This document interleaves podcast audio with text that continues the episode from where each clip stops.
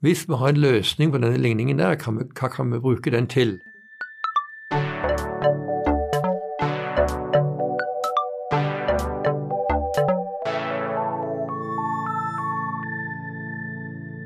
Hei og velkommen til andre episode av Kalkulus med Anne og gjengen. Jeg er fortsatt eh, Anne og skal snakke med et nytt medlem av gjengen min om matte. I dag skal vi snakke om et tema som kanskje egentlig ikke hører til fagområdet kalkulus, men som er med i faget kalkulus på Universitetet i Oslo. Det er et tema som så vidt jeg vet ikke er berørt i videregående, så det er jo derfor nytt for mange. Det er på en måte en utvidelse av de reelle tallene som vi kjenner fra tallinja. Eh, og det jeg snakker om, er eh, selvfølgelig komplekse tall. Og den i gjengen min som jeg skal snakke med dette om, er Christian Ranestad. Velkommen. Jo, takk. Eh, så hyggelig at du kunne komme på besøk. Veldig hyggelig å komme. Kan ikke du fortelle litt om deg selv? Ja, jeg heter altså Christian Ranestad. Jeg studerte i Bergen og eh, når jeg ennå hadde tatt eh, mastergrad, så flytta jeg til Oslo. Og så eh, tok jeg en doktorgrad her, og så etter noen år etter så ble jeg ansatt, og har vært det siden.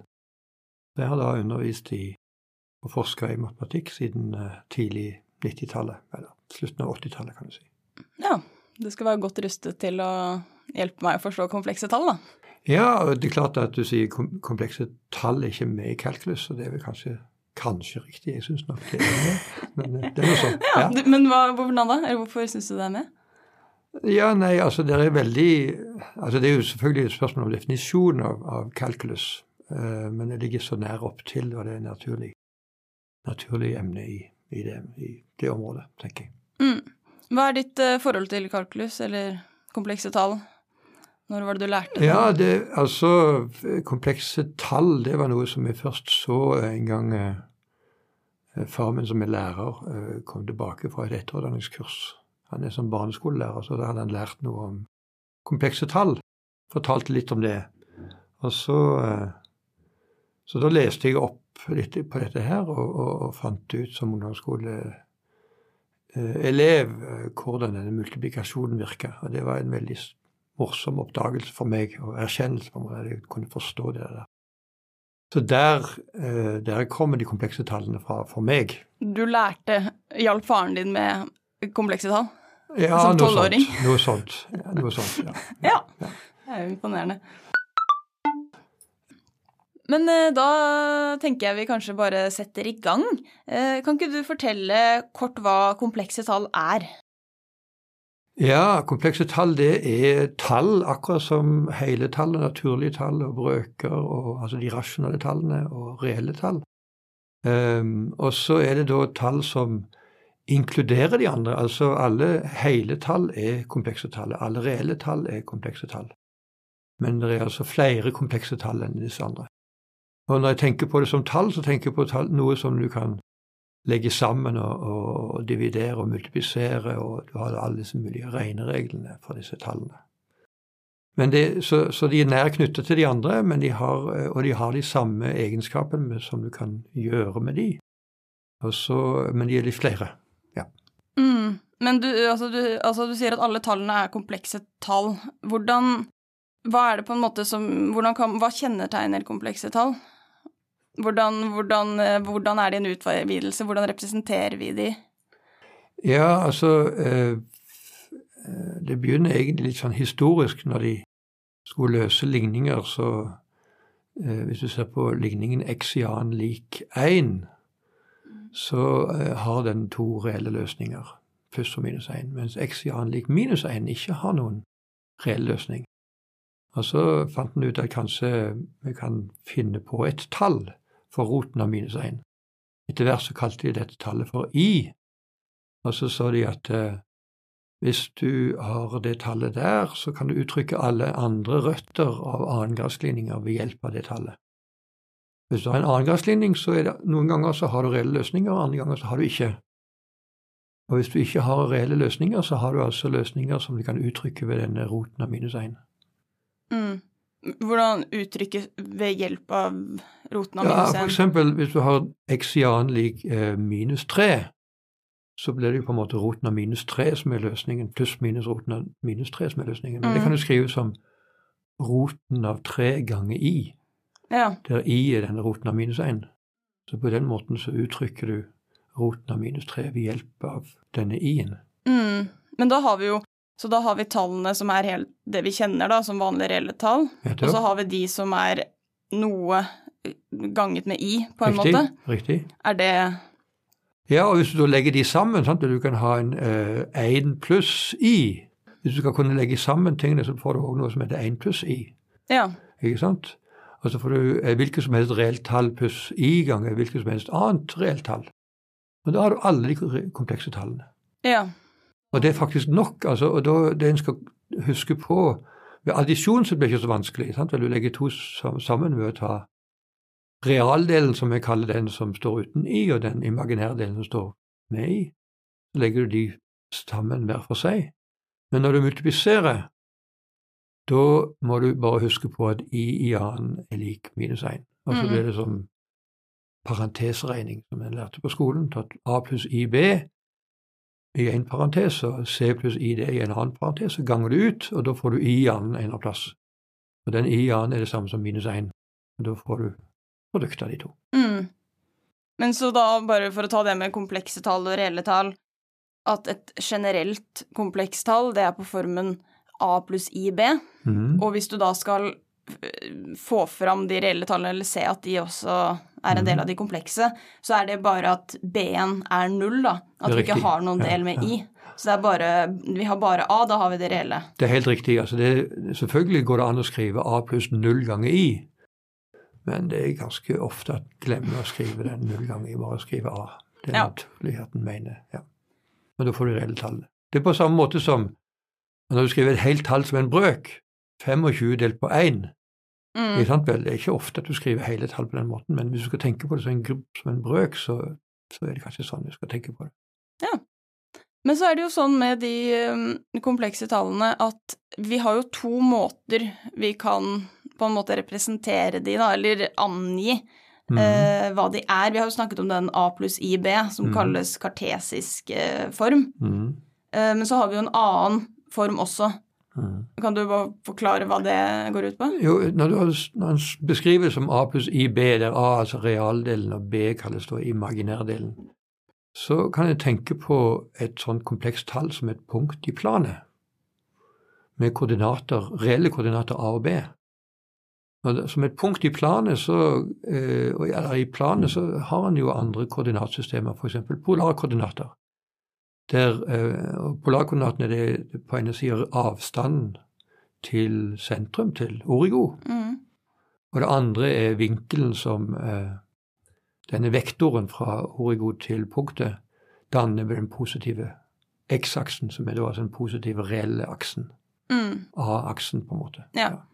Så vi kan enten skrive det som vanlig eh, hvor langt vi skal på x-aksen, og så da, som er da a pluss i b, som er hvor langt vi skal på y-aksen, Mm. og da finner vi punktet.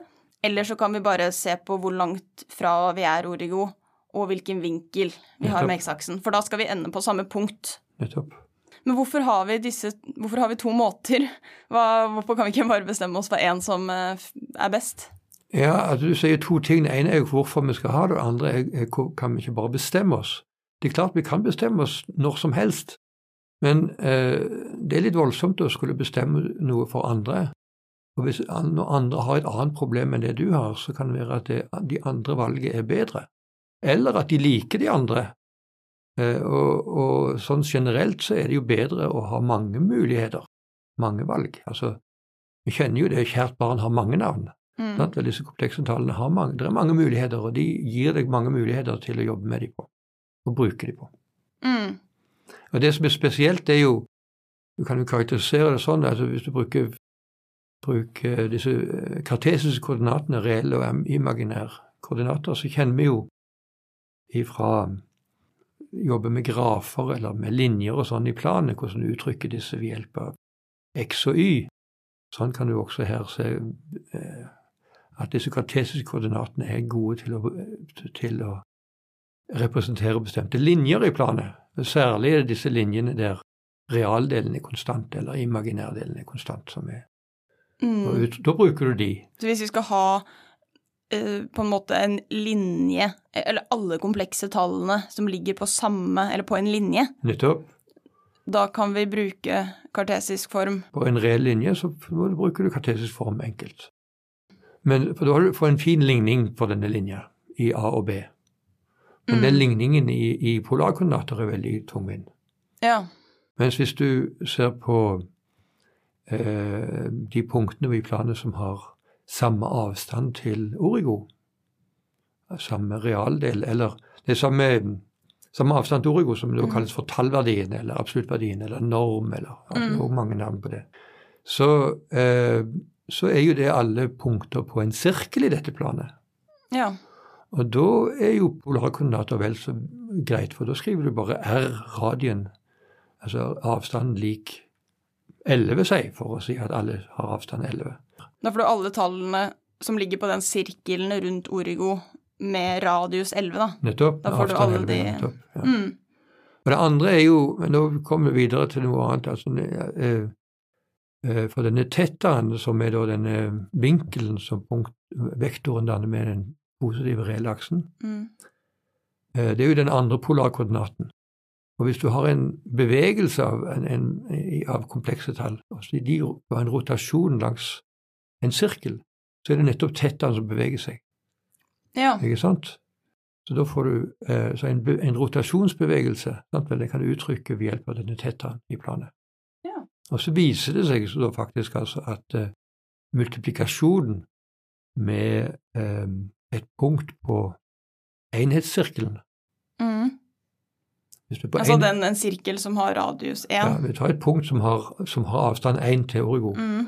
og du ser på tettaen til, den, til det punktet, Mm. som er altså vinkelen som eh, vektoren danner med positiv aksen. Mm. Hvis du ganger med sånne tall, Mm. da roterer du den vinkelen tetta. Det viser en kjempefin side ved komplekse tall. Mm. Du kan få til en sånn rotasjon Mm. Med multiplikasjon. Ja.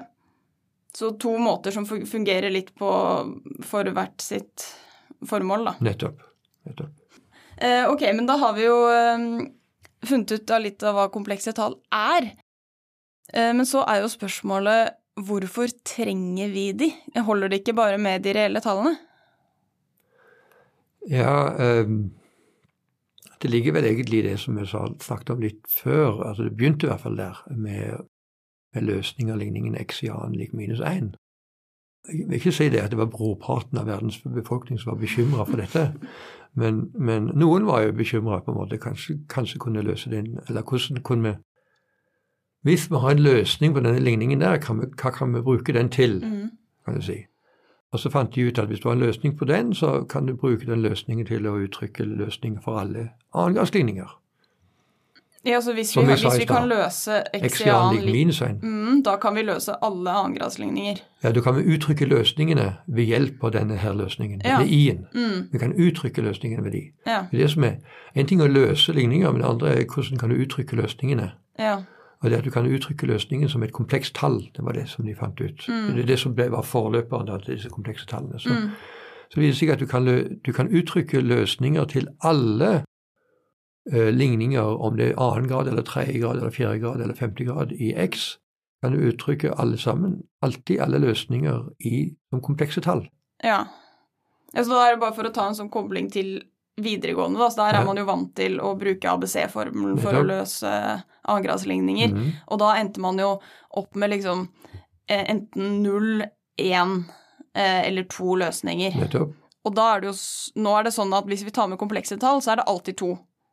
Ja, én eller to. Det kan jo være det Ja. ja, én eller to X-jaren lik null. Da er det bare én løsning. Ja. ja. Ikke sant? Så det er en, Men det er en ikke ingen. Det er aldri ingen, nei. Nei. Det er alltid en løsning. Mm. Og Det er jo utrolig. sant? Du har eh, vilkårlige ligninger som du kan skrive opp, og så det, vet du at det alltid er en løsning. Mm. Så lenge koeffisientene, disse tallene foran x i annen, x i tredje, x i fjerde, og sånn, Mhm. alle disse er reelle, da har du en, en løsning. Og så utvider de faktisk sånn at det, det, vet du, er så genialt med disse komplekse tallene.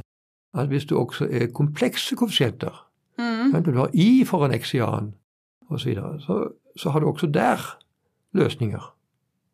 Ja. Også for de ligningene med komplekse koeffisienter har du løsninger på. Ja. Så det var en stor utvidelse, en eh, fantastisk utvidelse. Så, men det er klart det var alle som drev med ligninger, som var bekymra for dette her og brukte dette. Mm. Men så på Og dette går tilbake til 1500-tallet, eller 1400-1500-tallet. Men så på 1700-tallet så, så begynte noen å, å tenke også på mer funksjoner, som da hadde liksom kommet litt i Var mer interesse for, Mm. formulert hva en funksjon er og sånn.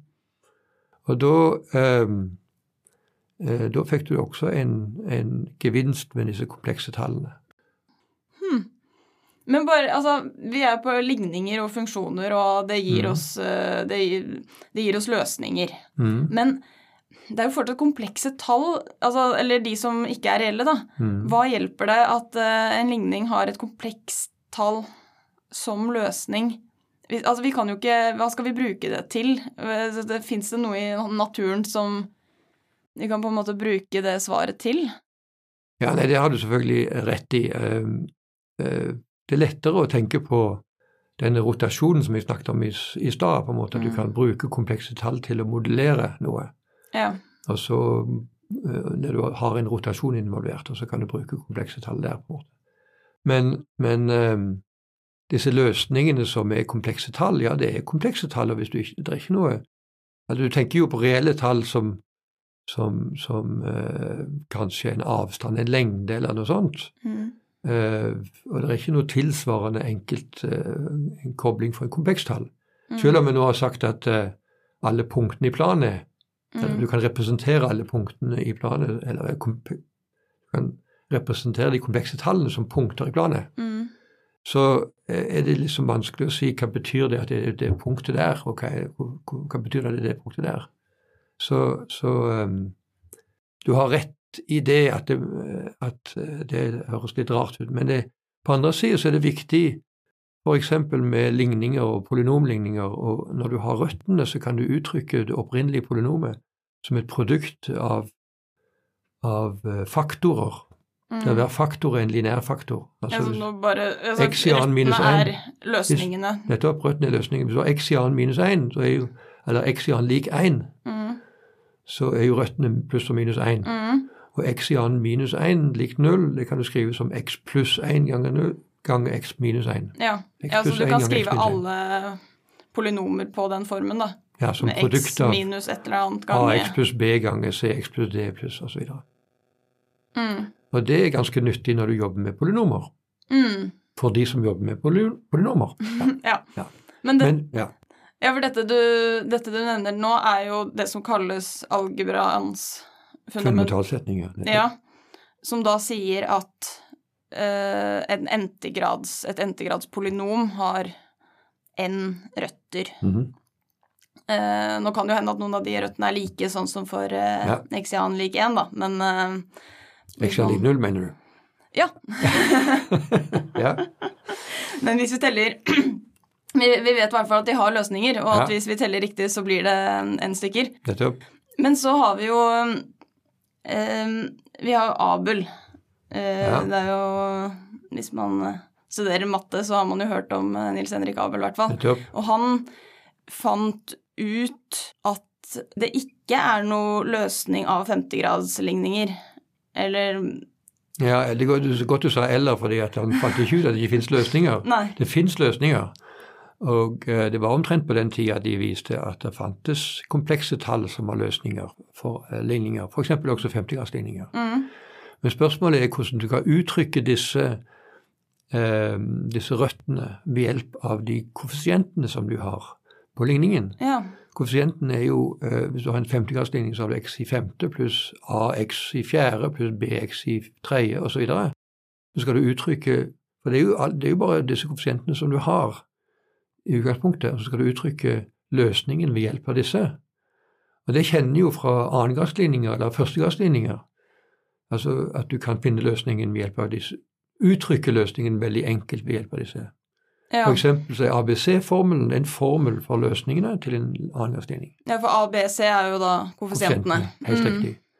Så spørsmålet kan du finne en Fins det en formel? Ja. Og det var det Abel viste. Det fins ingen formel. Nei.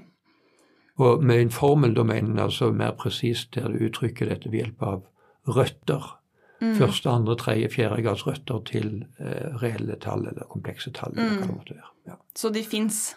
Det bare De ikke så fins, men du kan ikke uttrykke dem som røtter Nei. i eh, uttrykk med disse koeffisientene. Mm.